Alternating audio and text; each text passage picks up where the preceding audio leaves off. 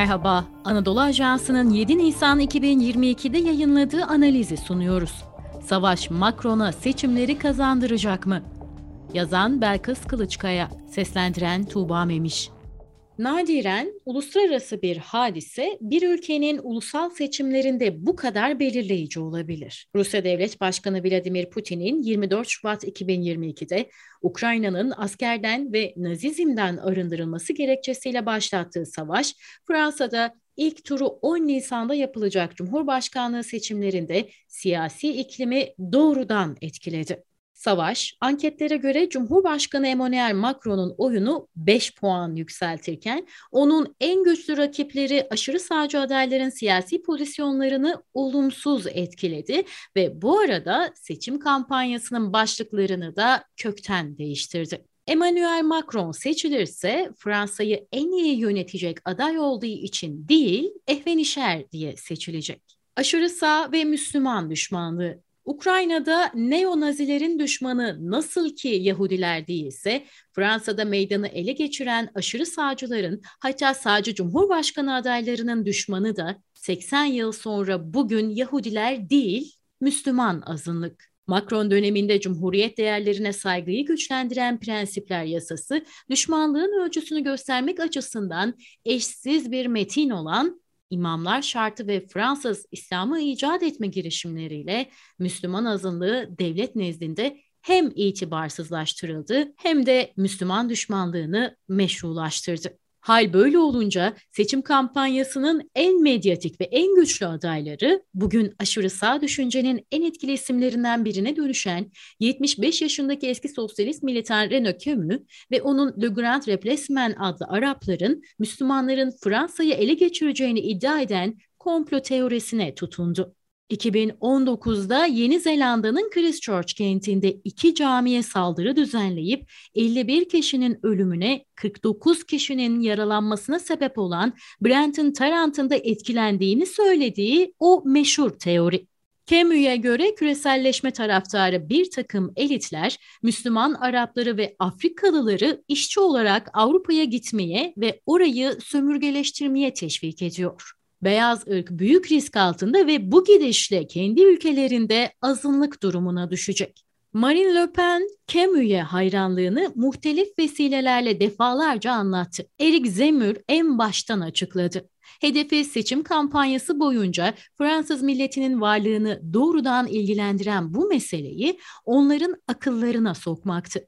Zemür, Müslümanların Fransa'yı batırdıkları ve sömürgeleştirdikleri, İslam'ın bir terör dini olduğu, Arapça isimlerin yasaklanması gerektiği ve işverenlerin onları istihdam etmeme hakkı olduğu görüşünde. Zemür, Müslümanları İslam'dan vazgeçmeye, asimile olmaya çağırırken yeni göçmenlere de sınırları kapatacağını, halen vatandaş olan göçmenlere de yeni bazı kriterlerle kısıtlamalar getireceğini söyledi. Rakipleri birbirleriyle yarışırken Macron 2. Dünya Savaşı'ndan sonra Avrupa'daki bu en büyük konvansiyonel savaşı önlemek için Moskova'da Putin'le görüştü. Olağanüstü NATO zirvesine katıldı. Avrupalı ortaklarıyla toplandı. Adaylığını açıklamak için son ana kadar bekledi. Seçim kampanyasının kuşkusuz yurt içinde ve dışındaki en medyatik ismi olan Yahudi asılı ancak bazı antisemit düşünceleri de tedavüle sokan Erik Semü, Rekunket adındaki partisiyle İspanyol ve Portekizlilerin Avrupa Hristiyanları ile birlikte olup Endülüs'e karşı Reconquista sürecine atıfta bulunuyor. Aynı zamanda Cumhuriyetçi tabanın oyuna da talip olan aşırı sağcı Marine Le Pen'e göre Zemür'ün etrafında Naziler var ve o Asterix'in köyünü savunuyor. Halbuki kendisi de Fransızlara yeniden güçlü bir ülke vaat ediyor. Bu arada sadece iki aşırı sağcı aday değil. Gallist geleneğin Merkez Sağ Partisi Le Republica'nın adayı Valérie Pécresse de büyük yer değiştirme kavramını kullandı. Ayrıca bu teoriyi söylemlerinin arka planına yerleştirdi. Buldozer lakaplı kendi kendisini 3'te 2 Merkel, 3'te 1 Thatcher diye tanımlayan Pikris, göçmenler ve onların devamı kuşaklar için kağıt üstünde Fransızlar diyerek aşırı sağın kimlik tanımlarını merkeze taşıdı. Göçmen Avrupalı olunca sağın oyları düştü. Böylece göçmenler yani Arap ve Müslümanlar seçim kampanyasının en tepesinde her türlü manipülasyon ve propagandaya konu edilirken Rusya'nın Ukrayna'ya saldırısıyla birlikte hiç beklenmedik bir şey oldu göçmen Avrupalı oldu. Fransız televizyon kanalı BFM'deki yorumcunun tarif ettiği gibi onlar Suriye rejiminin bombalarından kaçan Suriyeliler değil, bizimkine benzeyen otomobilleriyle sadece hayatlarını kurtarmak için yola çıkan Avrupalılardı. Marine Le Pen de dahil olmak üzere bütün adaylar Ukraynalılara şefkatle yaklaşmak konusunda hemfikirdiler. Biraz da buna mecbur kaldılar. İçlerinde sadece Zemür propagandası dahilinde tutarlı bir çizgi izledi ve Ukraynalıların Polonya'da olmalarını tercih ederim. Hem böylece savaş bittiğinde evlerine daha kolay dönebilirler. Göçe boğulmuş Fransa'yı istikrarsızlaştırmak iyi değil dedi. Zemür'ün yükselişteki oyları bundan derhal nasibini aldı ve inişe geçti. Ayrıca denilebilir ki savaşla birlikte hedefteki Müslüman azınlık kısmen unutuldu. Çünkü Fransızlar için en büyük düşman artık Ruslar oldu. O kadar ki belediye orkestralarında Rus müzisyenler kapı dışarı konuldu, konserler iptal edildi. Diktatör ve işgalci Putin imajı Rusya Devlet Başkanı Putin'le öteden beri muhtelif ilişkileriyle ve ona hayranlıklarıyla tanınan adayları Marine Le Pen, Eric Zemmour ve aşırı solcu aday Jean-Luc Mélenchon'u da olumsuz etkiledi. Solun durumu. Bu arada 2012-2017 yılları arasında ülkeyi yöneten sosyalist Frances Hollande'dan bu yana belini doğrultamayan bir sol var Fransa'da. Sosyalist Parti adayı Paris Belediye Başkanı Anne Hidalgo'nun oyu %2'leri geçmiyor. Aşırı sol kanatta La France Insoumise lideri Jean-Luc Mélenchon, asgari ücreti artış zenginlere yönelik kaldırılan bir verginin geri getirilmesi yönündeki vaatleriyle ve Müslüman azınlığa karşı olumlu çıkışlarıyla anketlere göre %14-15 arasında oya sahip.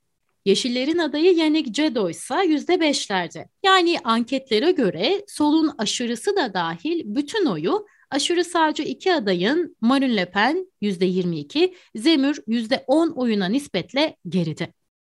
Macron kazançlı çıktı. Rakipleri birbiriyle yarışırken Macron 2. Dünya Savaşı'ndan sonra Avrupa'daki bu en büyük konvansiyonel savaşı önlemek için Moskova'da Putin'le görüştü olağanüstü NATO zirvesine katıldı, Avrupalı ortaklarıyla toplandı. Adaylığını açıklamak için son ana kadar bekledi. Resmen adaylığını savaşın başlamasından 5 gün sonra 3 Mart'ta açıklayan Macron'un ekibinin de muhtemel ikinci seçim zaferi için yapılacak etkinlikleri organize ettiği duyuldu. 2017'de seçildikten hemen sonra ülkesinin dört yanında sarı yelekliler eylemlerine satın alma gücünün zayıflaması başta olmak üzere büyük ekonomik ve sosyal sorunlara, COVID-19 salgınında sağlık sektöründe yaşanan skandallara, endüstri ve bilim alanında ortaya çıkan zafiyetlere rağmen Macron bulunduğu mevki itibarıyla seçim arenasında makullüğü ve ciddiyeti temsil eden bir adaya dönüştü. Anketlere göre ilk turda oyunu 5 puan artırdı ve %29,5'i yakaladı. Emmanuel Macron seçilirse Fransa'yı en iyi yönetecek aday olduğu için değil, ehvenişer diye seçilecek. Zaten son anketlere göre ikinci turda en yakın rakibi Marine Le Pen'le oy farkı sadece 3 puan. Birincisi %51,5, ikincisi 48,5. Halbuki 2017'de ikinci turda Le Pen'e karşı %66 oranında bir oyla seçilmişti. Ayrıca bir diğer çok önemli hadise de şu. Fransa'da yıllardan bu yana seçimlere katılım oranı düşüyor oy kullanmamak yahut boş oy atmak haklı sebepleri olan siyasi bir çaresizliği, diğer taraftan demokratik bir açığı ifade ediyor. Anketlere göre seçimlerde Fransızların %30'unun oy kullanmaması yahut boş oy kullanması bekleniyor. Bu oran önümüzdeki pazar günü yapılacak Cumhurbaşkanlığı seçimlerinin ilk turunda hem geçmiş yıllara göre bir rekoru hem de birinci turda ihtimal hiçbir adayın tutturamayacağı bir oranı ifade ediyor.